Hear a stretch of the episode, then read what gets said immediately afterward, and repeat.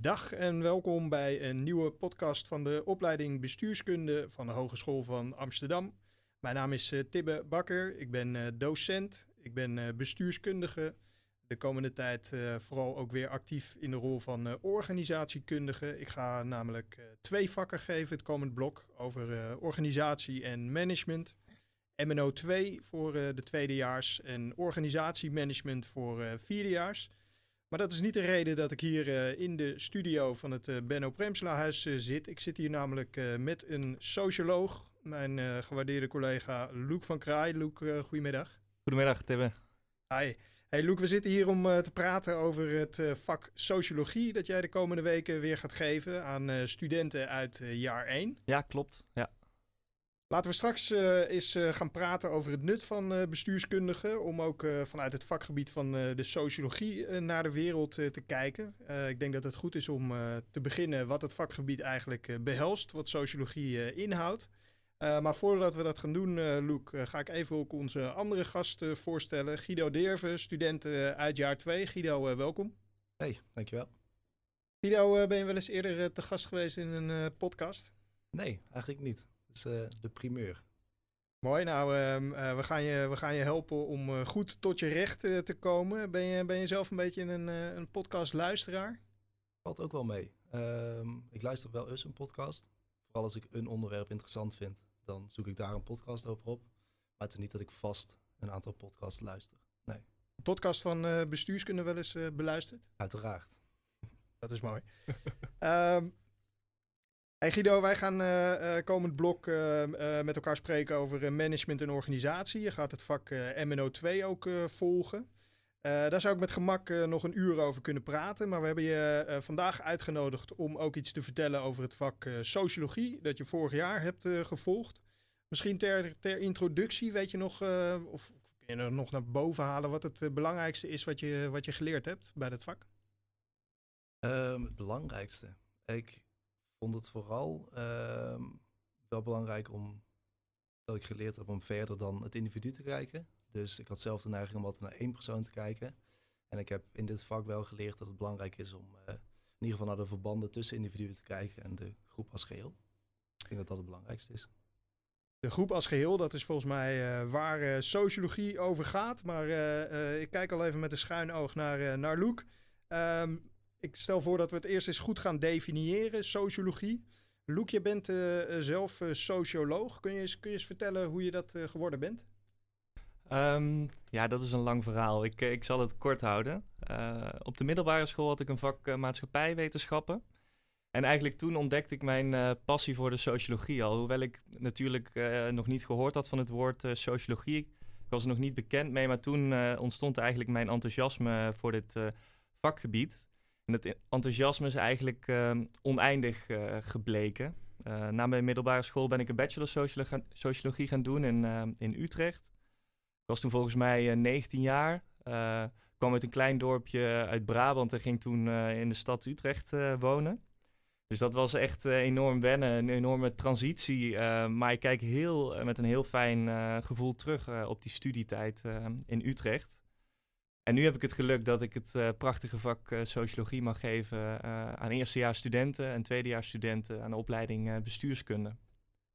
Nou, we gaan het straks even hebben over de, de, de bestuurskundige relevantie hè, van, van zo'n vak sociologie. Waarom is dat nou eigenlijk voor bestuurskundigen van belang om op die manier naar de wereld te kijken? Maar even terug naar jouw studiekeuze. Dat kwam dus voort uit interesse in zo'n vak als maatschappijleer. Dus er zit een zekere uh, overlap tussen maatschappijleer en, en sociologie. Ja, zeker. Ja, um, eigenlijk sociologie biedt je een uh, manier van kijken die je helpt om de complexe wereld om je heen wat, wat beter te begrijpen. en sociologen zijn vaak in staat om diepgaande kennis over maatschappelijke problemen um, tentoon te stellen en hebben vaak ook sterke onderzoeksvaardigheden, zou je kunnen zeggen. Um, dus het begon inderdaad met mijn liefde voor uh, mensen, samenlevingen, maatschappijen. En uh, hoewel ik daar toen nog heel weinig uh, over wist, is dat wel de reden dat ik sociologie ging studeren. Ja. Wat, voor, wat voor vakken volgde je zelf op die studie? Hoe, hoe zag dat studieprogramma eruit? Ja, dus je hebt um, de sociologie is een hele rijke wetenschap, maar je hebt eigenlijk verschillende thema's. Je hebt zoiets als familiesociologie, je hebt ook vakken rondom sociale ongelijkheid. Ja, je hebt ook onderzoeksvaardigheden. In Utrecht zijn ze sterk ingezet op kwantitatieve onderzoeksvaardigheden, dus meer cijfermatige onderzoeksvaardigheden. Dus je krijgt eigenlijk klassieke sociologie. Denk aan denkers, als Marx, Weber. Maar je leert ook echt om maatschappelijke vraagstukken, sociale wereld echt te onderzoeken. Dus daar komen vaak meer uh, kwantitatieve en ook kwalitatieve onderzoeksvaardigheden bij kijken. Daar gaan we het vandaag niet over hebben. We gaan het wel hebben over die sociologie. Guido had het al over groepen mensen. Hè? Dat, je, dat je eigenlijk kijkt voorbij het individu. Is dat ook hoe jij sociologie zal uitleggen in één zin? Ja, dus um, sociologie is de studie van de manier waarop mensen met elkaar samenleven. Dus niet de studie van de mens, maar de studie van mensen en de manier waarop mensen met elkaar samenleven. Het woordje socio staat eigenlijk voor samen. Uh, en het woordje logos staat voor kennis. Dus je zou heel simpel kunnen zeggen de kennis over de wetenschap van manieren waarop mensen met elkaar samenleven. En daarin, zoals Guido ook al aangaf, bestuderen sociologen sociale uh, relaties tussen mensen en de invloed van de omgeving op menselijk gedrag.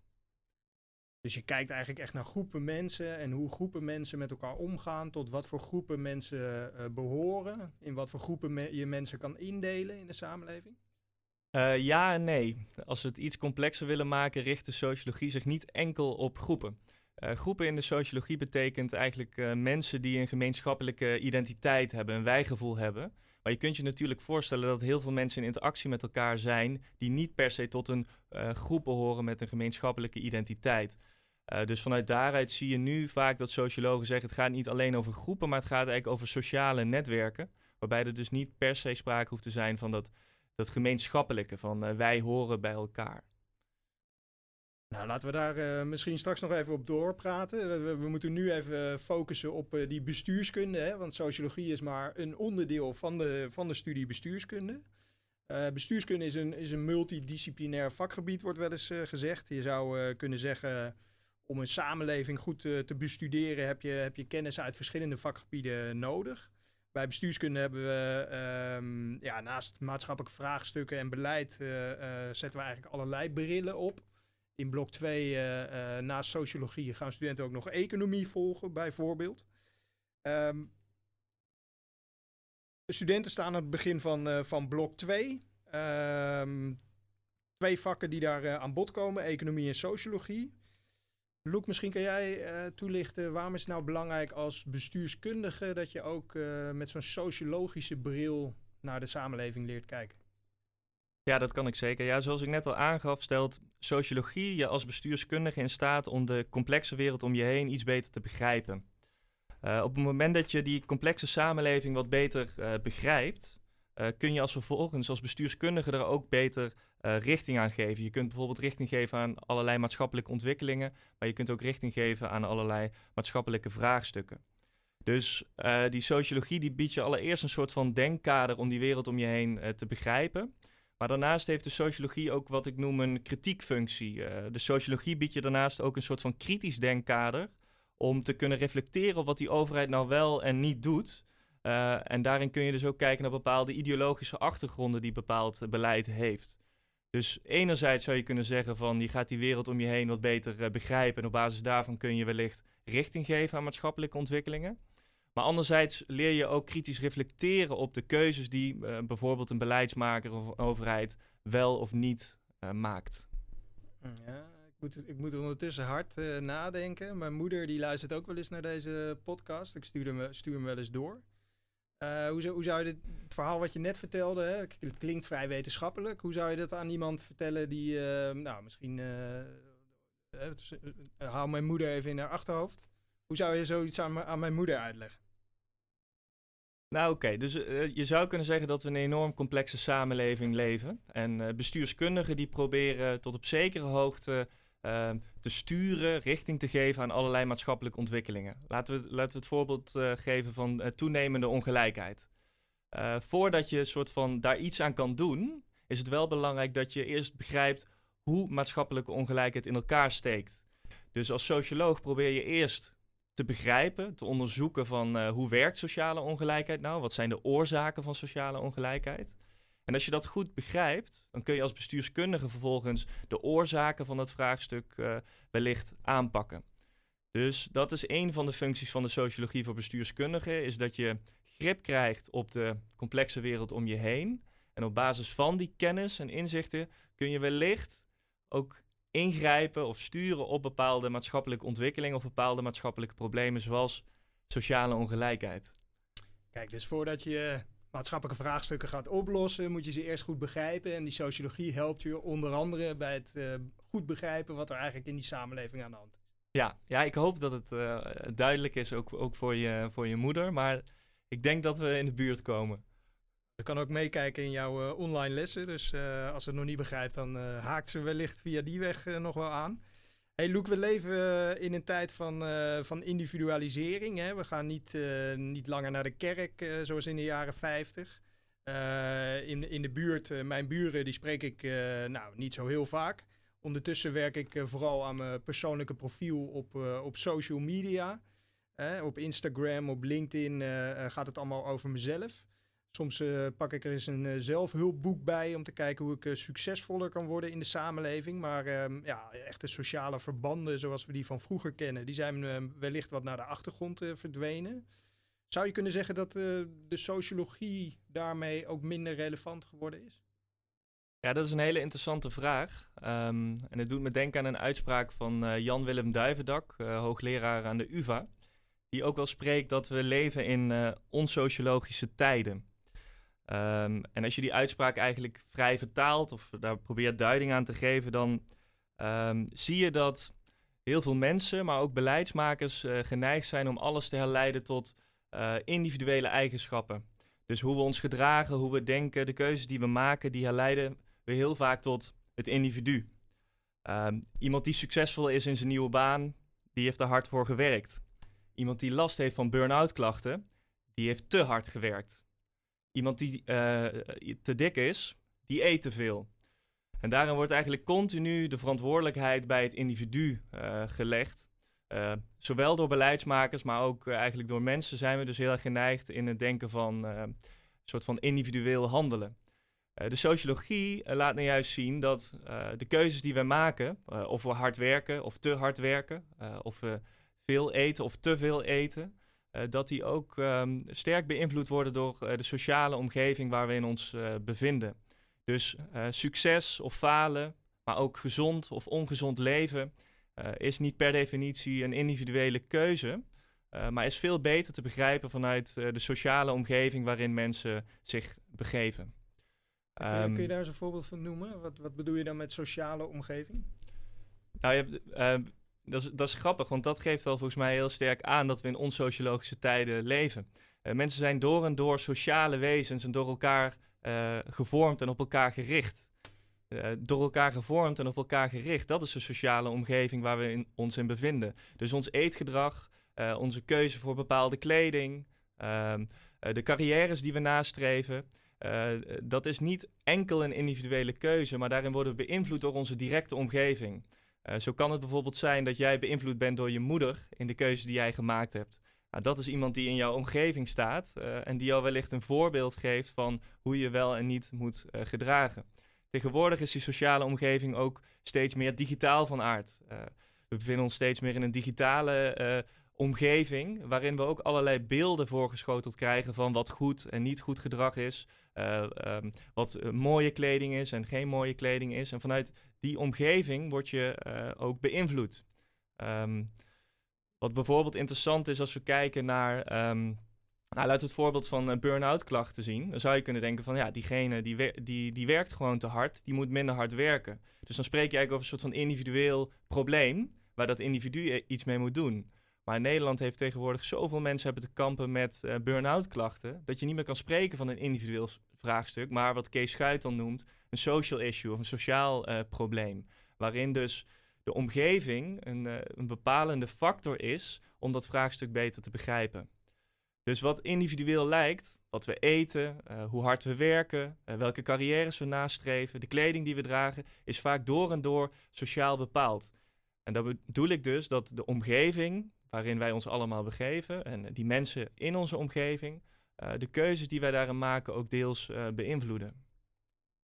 Dus je kijkt voorbij het individu, zoals jij dat al zei, Guido. Ehm, hoe leg jij eigenlijk sociologie uit? stel dat je het vak weer gaat volgen en je komt iemand tegen op straat die zegt: Ik heb morgen sociologie. En diegene vraagt: Wat is dat voor vak? Wat leer je daar eigenlijk bij?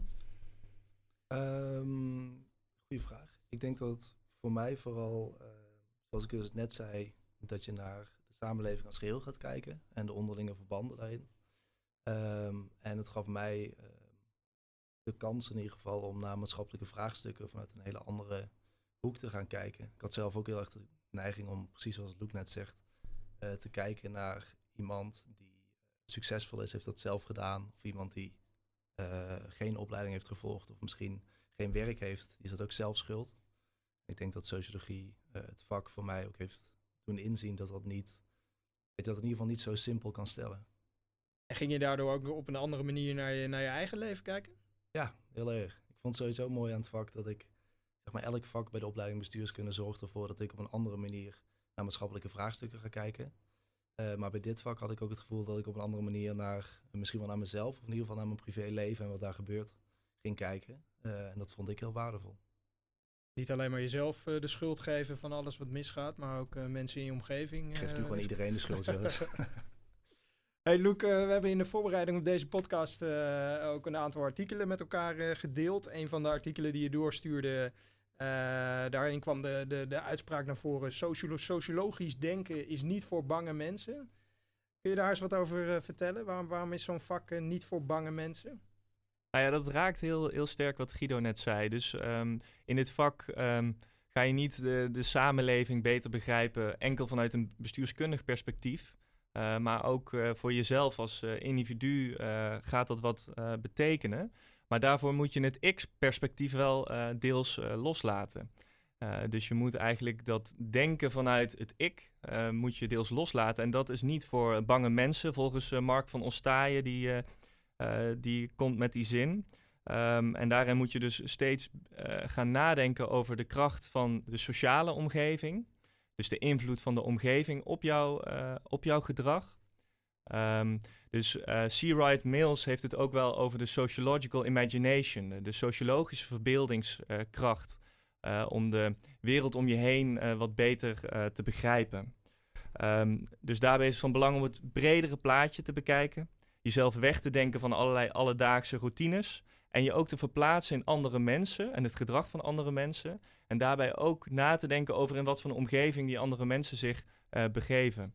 Dus daarbij moet je het ik-perspectief af en toe heel even loslaten, wat in tijden van individualisering natuurlijk zeer dominant is. En om dat los te laten, zegt Mark van Ostaaien, dat is niet, uh, niet voor bange mensen. Guido, uh, als je het hebt over jouw sociale omgeving, ik ken je natuurlijk als uh, student, maar in je persoonlijke leven ken ik je eigenlijk helemaal niet zo, zo goed. Hoe, in wat voor, wat voor sociale omgevingen begeef jij je zoal? Uh, doe je dan gewoon op vriendenwerk, dat soort dingen? Ja, we hebben het over uh, sociologie. Hè. Schijnbaar is er uh, voorbij het individu een, een bepaalde omgeving die verantwoordelijk is ook deels voor, voor wie jij bent en mm -hmm. hoe mhm. je je gedraagt en wat je, wat je, wat je voor kleren aantrekt zelfs, hoorde ik Luc net zeggen. Ja. dus welke mensen in jouw omgeving of welke verbanden zijn, zijn van invloed? Ehm, nou ja, ik kan niet ontkennen dat mijn vrienden een hele grote invloed hebben op hoe ik praat waarschijnlijk. je creëert toch een soort van eigen taal met vrienden. Uh, die ervoor zorgt dat als ik soms in andere groepen ben, ik heel raar word aangekeken omdat ik woorden gebruik die blijkbaar niet gebruikelijk zijn in die groepen. Um, en kleding ook zeker. Ja, je wordt, je wordt heel erg aangestoken door uh, de mensen om me heen. Uh, mijn eetgedrag heb ik aangepast aan hoe mijn ouders me dat ooit verteld hebben dat ik dat moet doen. doe ik niet altijd overigens, maar dat probeer ik wel. Um, dus ja, ik pas me zeker op die manier aan. Nou, ik kan me voorstellen, Luke, dat dat niet per se de, de, de, de onderwerpen zijn waar je naar kijkt in de, in de bestuurskunde. Hè? Wat voor kleren mensen aan hebben of, of wat ze eten. Of, of zie ik dat verkeerd?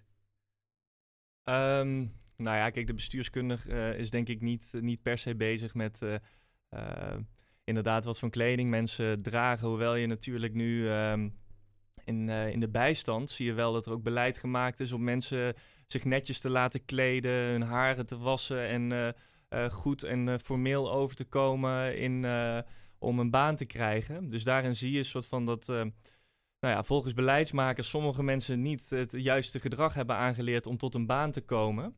Uh, dat noemt uh, Pierre Bourdieu, uh, Franse socioloog, ook wel cultureel kapitaal. weten hoe het hoort. dus weten welke kleding je moet dragen, weten hoe je moet praten. om bijvoorbeeld een baan te krijgen. Dus ook de bestuurskundigen die sturen soms op ja, een soort van het culturele kapitaal verhogen van bepaalde groeperingen. Maar meer, um, meer toegankelijke onderwerpen zouden natuurlijk bijvoorbeeld de toenemende ongelijkheid in onze samenleving zou zoiets kunnen zijn. We hebben het al uitgebreid gehad over individualisering. Wat bindt ons eigenlijk nog? Uh, wat, wat, waar ontstaan nog uh, gemeenschappen? Um, dus dat zijn wel thema's waar de sociologie goed inzicht op biedt. Maar zoiets als kleding kan dus naar voren komen, inderdaad, als het gaat over bijstand. Ik heb inderdaad wel eens gehoord van mensen die geen bijstandsuitkering kregen, omdat ze verkeerde kleding aan hadden toen ze een sollicitatiegesprek moesten gaan voeren.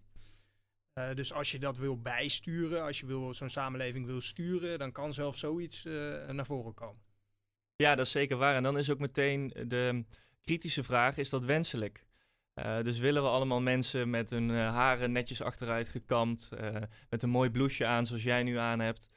is dat wenselijk om op dat niveau ook te sturen? Dus aan de ene kant geeft de sociologie inzicht in nou, hoe maatschappelijke vraagstukken in elkaar steken en hoe je daarop kan sturen. Maar aan de andere kant, en dat heb ik net ook al genoemd, de kritiekfunctie van de sociologie is tegelijkertijd ook altijd kritisch reflecteren op de keuzes die de overheid maakt. Um, en die kritiekfunctie die komt dus heel sterk naar voren ook in het uh, artikel van uh, Jan-Willem Duivendak over onsociologische tijden. Daarin wordt dat individu, of daarin wordt soort van uh, die, die samenleving wordt continu gezien als een soort verzameling van individuen. Dus het individu moet zelfredzaam zijn. Het individu moet veerkrachtig zijn. Het individu moet zelf verantwoordelijkheid nemen. En dat miskent eigenlijk het kernprincipe van de sociologie, namelijk dat wij sociale wezens zijn. Wij zijn sociale wezens, we zijn op elkaar gericht, worden gevormd door elkaar en op die manier ontstaat er een sociale werkelijkheid, een samenleving. Dus die nadruk op dat individu, wat op basis van rationele keuzes of op basis van eigen verantwoordelijkheid uh, zich gedraagt, is eigenlijk een hele miskenning van een basis sociologisch inzicht, namelijk dat mensen sociale wezens zijn. Ja, dus dat denken komt van pas in de, in de bestuurskunde, in de beroepspraktijk van, van bestuurskundigen. Uh, Guido, heb jij dat het afgelopen jaar wellicht al ervaren? Heb je, heb je momenten gehad dat je dacht, hé, hey, dat heb ik bij sociologie uh, geleerd en dat kan ik nu toepassen in mijn uh, studie? Um, ja, binnen de studie vind ik het moeilijk om één um, theoretisch deel van sociologie eruit te halen. Wat ik wel heel erg geleerd heb, wat, ik, wat nuttig was tijdens de studie, is om dus echt een andere bril op te zetten. Dus je krijgt natuurlijk eerst het vak bestuurskunde. En dat, uh, nou zo heet de opleiding ook, dus dat sluit lekker aan. En vervolgens moet je dus in elk vak een andere bril gaan opzetten. En ik werd bij sociologie wel echt heel erg gedwongen om dat te doen, omdat het in mijn ogen echt een andere manier van, van denken was. Uh, of in ieder geval voor mij was het dat. En uh, dat is denk ik wat ik het meest gebruikt heb in de volgende vakken. Dat toen ik economie kreeg of politicologie, dat ik echt dacht van oké, okay, wow, dit vergt weer een nieuwe manier van denken. En dat je daar ook op instelde. En dat is iets wat ik wel gebruikt heb. Ja, zeker zo'n thema als ongelijkheid kan ik me voorstellen. Als je dat vanuit de economie be be bekijkt, kijk je naar uh, hoeveel geld heeft iemand op zijn bankrekening. Maar als je dat vanuit sociologie bekijkt, dan kijk je er weer op een hele andere manier tegen zo'nzelfde onderwerp aan eigenlijk. Loek knikt ja. Ik neem aan dat je het daarmee eens bent. Nou ja, er is pas ook weer een interessante studie uh, uitgekomen over sociale ongelijkheid en hoe uh, regio's uh, bijvoorbeeld bepalend zijn. dat je als je in een bepaalde regio in Nederland geboren bent, dat dat een kans dat je later goed geld verdient. Denk aan het gooi bijvoorbeeld, in vergelijking met meer nou ja, achtergestelde regio's in Nederland, dat dat al invloed heeft op je baankansen, maar ook hoeveel geld je later gaat verdienen. Uh, interessant genoeg was dat er wel een econoom die dat onderzocht had uh, van de Erasmus Universiteit uit mijn hoofd. Dus ik denk dat economen heel goed uh, sociale ongelijkheid in kaart kunnen brengen. Um, dus daarin zie je soms wel een bepaalde overlap ontstaan tussen de economie en de, de sociologie. Marx wordt door sommigen ook echt gezien als een soort van econoom. dus je ziet in die sociale wetenschappen allerlei kruisverbanden ehm, ontstaan, waarbij nou ja, Karl Marx, een van de grondleggers van de sociologie, uh, ook als econoom wordt gezien. Adam Smith, een ander voorbeeld, wordt ook gezien als een van de grondleggers van de economie. Zou je ook echt kunnen zien als een van de grondleggers van de sociologie. Ehm, dus die velden raken elkaar wel heel sterk. Ehm, ja, namen uit het verleden. Dan moeten we inderdaad achteruit kijken. Ik denk dat het goed is voor nu om ook even vooruit te kijken.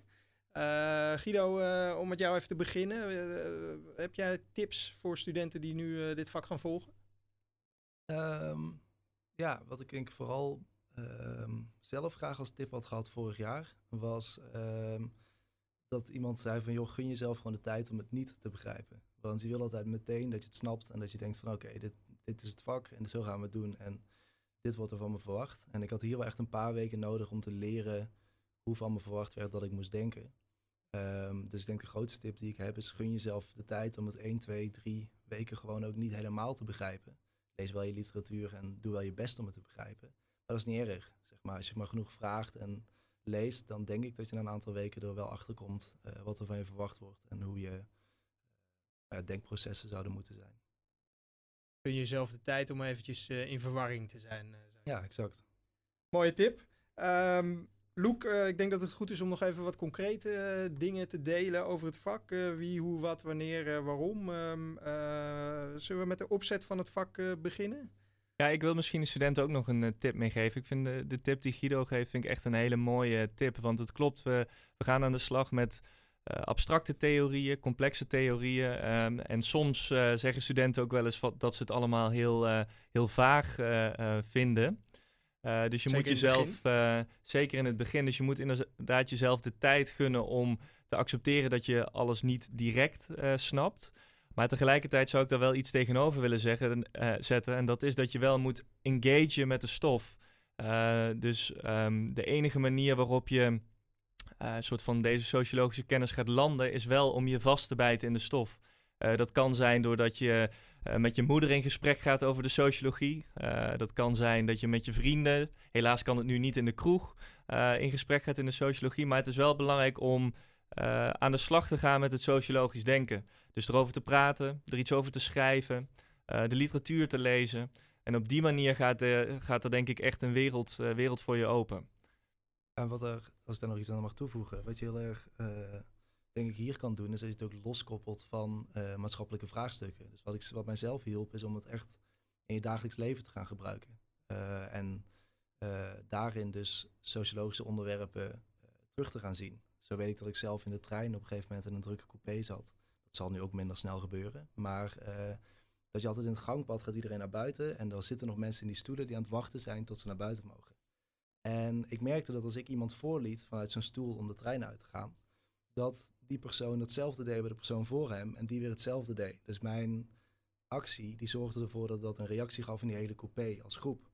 En dat was een moment dat gebeurde tijdens het vak sociologie, dat ik zoiets had van hé, hey, wacht, dit is grappig. Er gebeuren dingen die ik terug zou kunnen brengen naar de theorie die Luke uh, gegeven heeft in dit vak. Um, dus de tip is ook, trek het los van maatschappelijke vraagstukken en probeer het in je dagelijks leven te zien. Ik denk dat dat heel erg kan helpen. Ja, goed om het uh, eerst even los van de bestuurskunde misschien te zien en daarna pas te kijken inderdaad hoe je dat ook in het vakgebied van de bestuurskunde kunt, uh, kunt passen. Wat het met beleid te maken heeft, wat het met sturing uh, te maken heeft. terug naar jou, Loek, want wat is, de, wat is de opzet van het vak? wat kun je daarover zeggen? Zit er een bepaalde structuur in de, in de komende weken? Ja, ja, we gaan beginnen met eigenlijk wat is sociologie. Daar hebben we het nu vandaag eigenlijk al een beetje over gehad. Uh, en we gaan het ook hebben over hoe kun je nou op een sociologische manier naar de wereld uh, kijken. Dat is eigenlijk week 1. En vervolgens gaan we in de daarop volgende weken gaan we allerlei sociologische thema's bespreken. denk aan begrippen zoals cultuur en socialisatie. denk ook aan sociale ongelijkheid, een van de kernthema's van de sociologie. We gaan ook twee sociologische benaderingen bespreken. Het symbolisch interactionisme en het structureel functionalisme. Een hele mond vol, maar dat zijn eigenlijk twee manieren om samenlevingen systematisch te bestuderen. Um, dus ja, eigenlijk uh, prachtige sociologische theorieën, concepten, die gaan we ehm, nou ja, per week uitdiepen. Nou, ik weet zeker dat jij dat met veel enthousiasme weer gaat doen. Daar heb ik alle vertrouwen in. Maar um, wat een belangrijke vraag is, denk ik, voor studenten: hoe ziet de toets eruit? Ja, dat is, oh, daar, moet ik nog, moet ik zelf ook nog even over nadenken hoe die toets eruit gaat zien. Maar het zal in ieder geval een open boektoets uh, zijn. Uh, dus dat betekent dat je niet uh, alle rijtjes uit je hoofd moet leren. De toets is, ik moet heel even spieken, is op 21 januari. Jeetje, dan zitten we alweer in het nieuwe jaar. Dus een open boektoets. ik denk een viertal open vragen, A, B en C. waarin je de theorieën gaat toepassen op allerlei praktijkcasuïstiek. Eerst dus even de tijd om je te verwarren over dat vakgebied uh, sociologie. Daarna kijken of je het kan begrijpen. En tot slot ook nog kijken of je het kan inpassen in het, uh, in het werkveld van bestuurskundigen. Um, Guido, wat zijn jouw plannen voor de komende tijd? Um, nou, binnen de studie blijf ik lesgeven of helpen met lesgeven als studentassistent bij de eerstejaars. Um, daarnaast wordt het tijd dat ik een, kan ik langzamerhand een stageplek gaan zoeken. Dat is leuk. Um, en daarbuiten heb ik een kledingmerk met vrienden, waar we net een eerste collectie opnieuw voor hebben uitgebracht. Waarin we samenwerken met kunstenaars en dan collecties uitbrengen.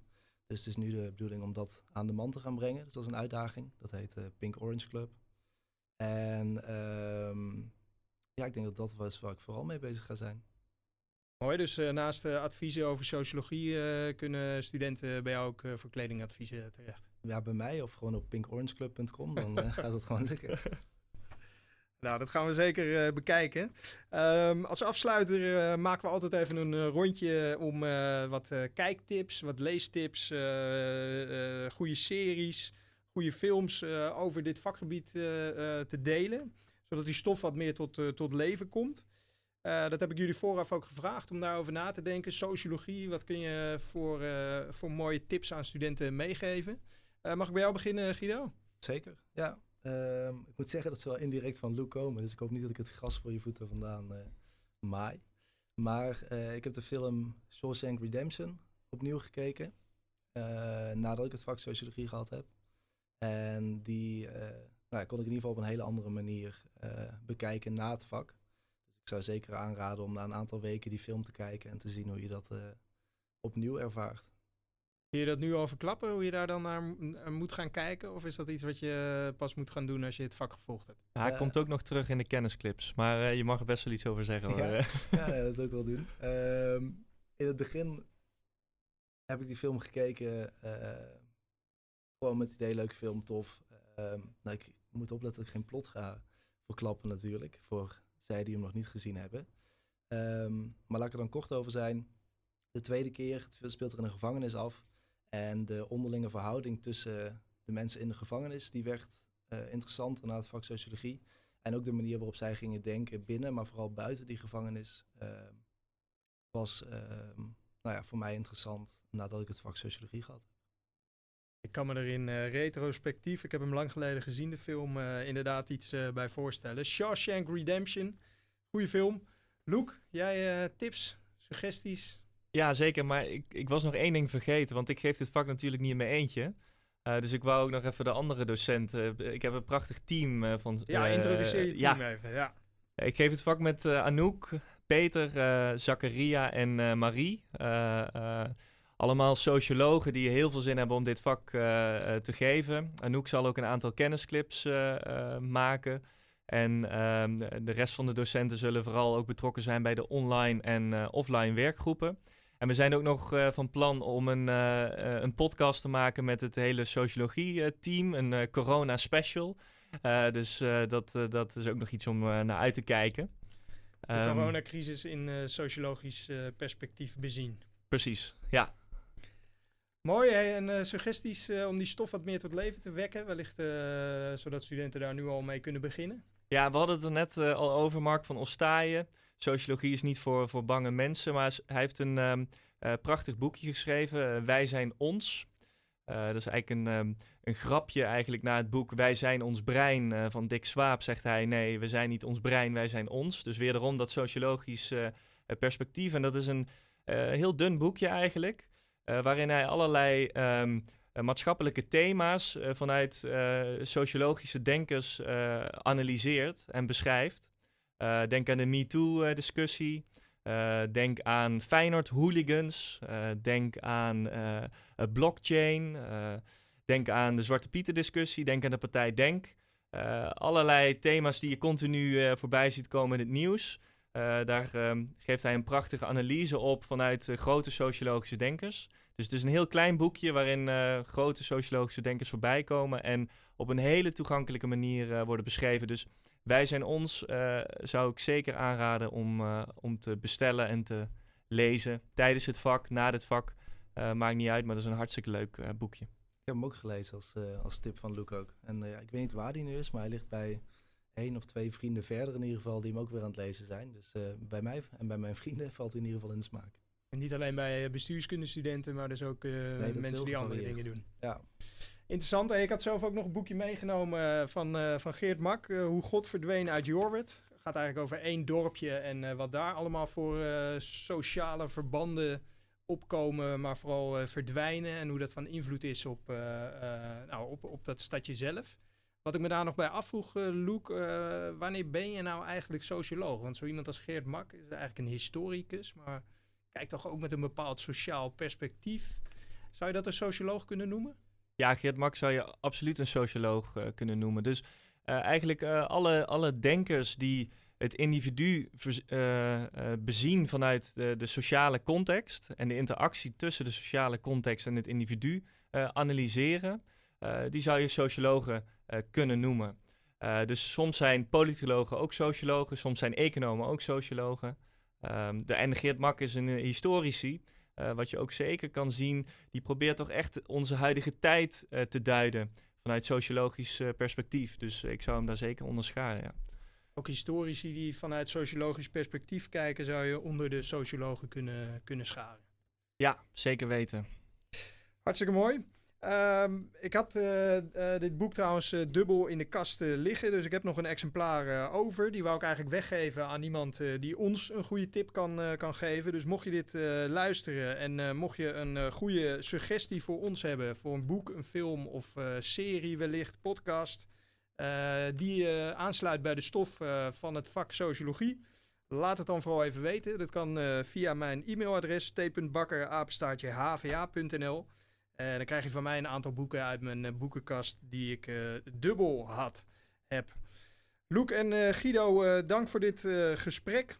Eh, iedereen die luistert, eh, heel veel succes eh, bij eh, het vak sociologie en eh, de rest van de onderwijsactiviteiten in, eh, in blok 2.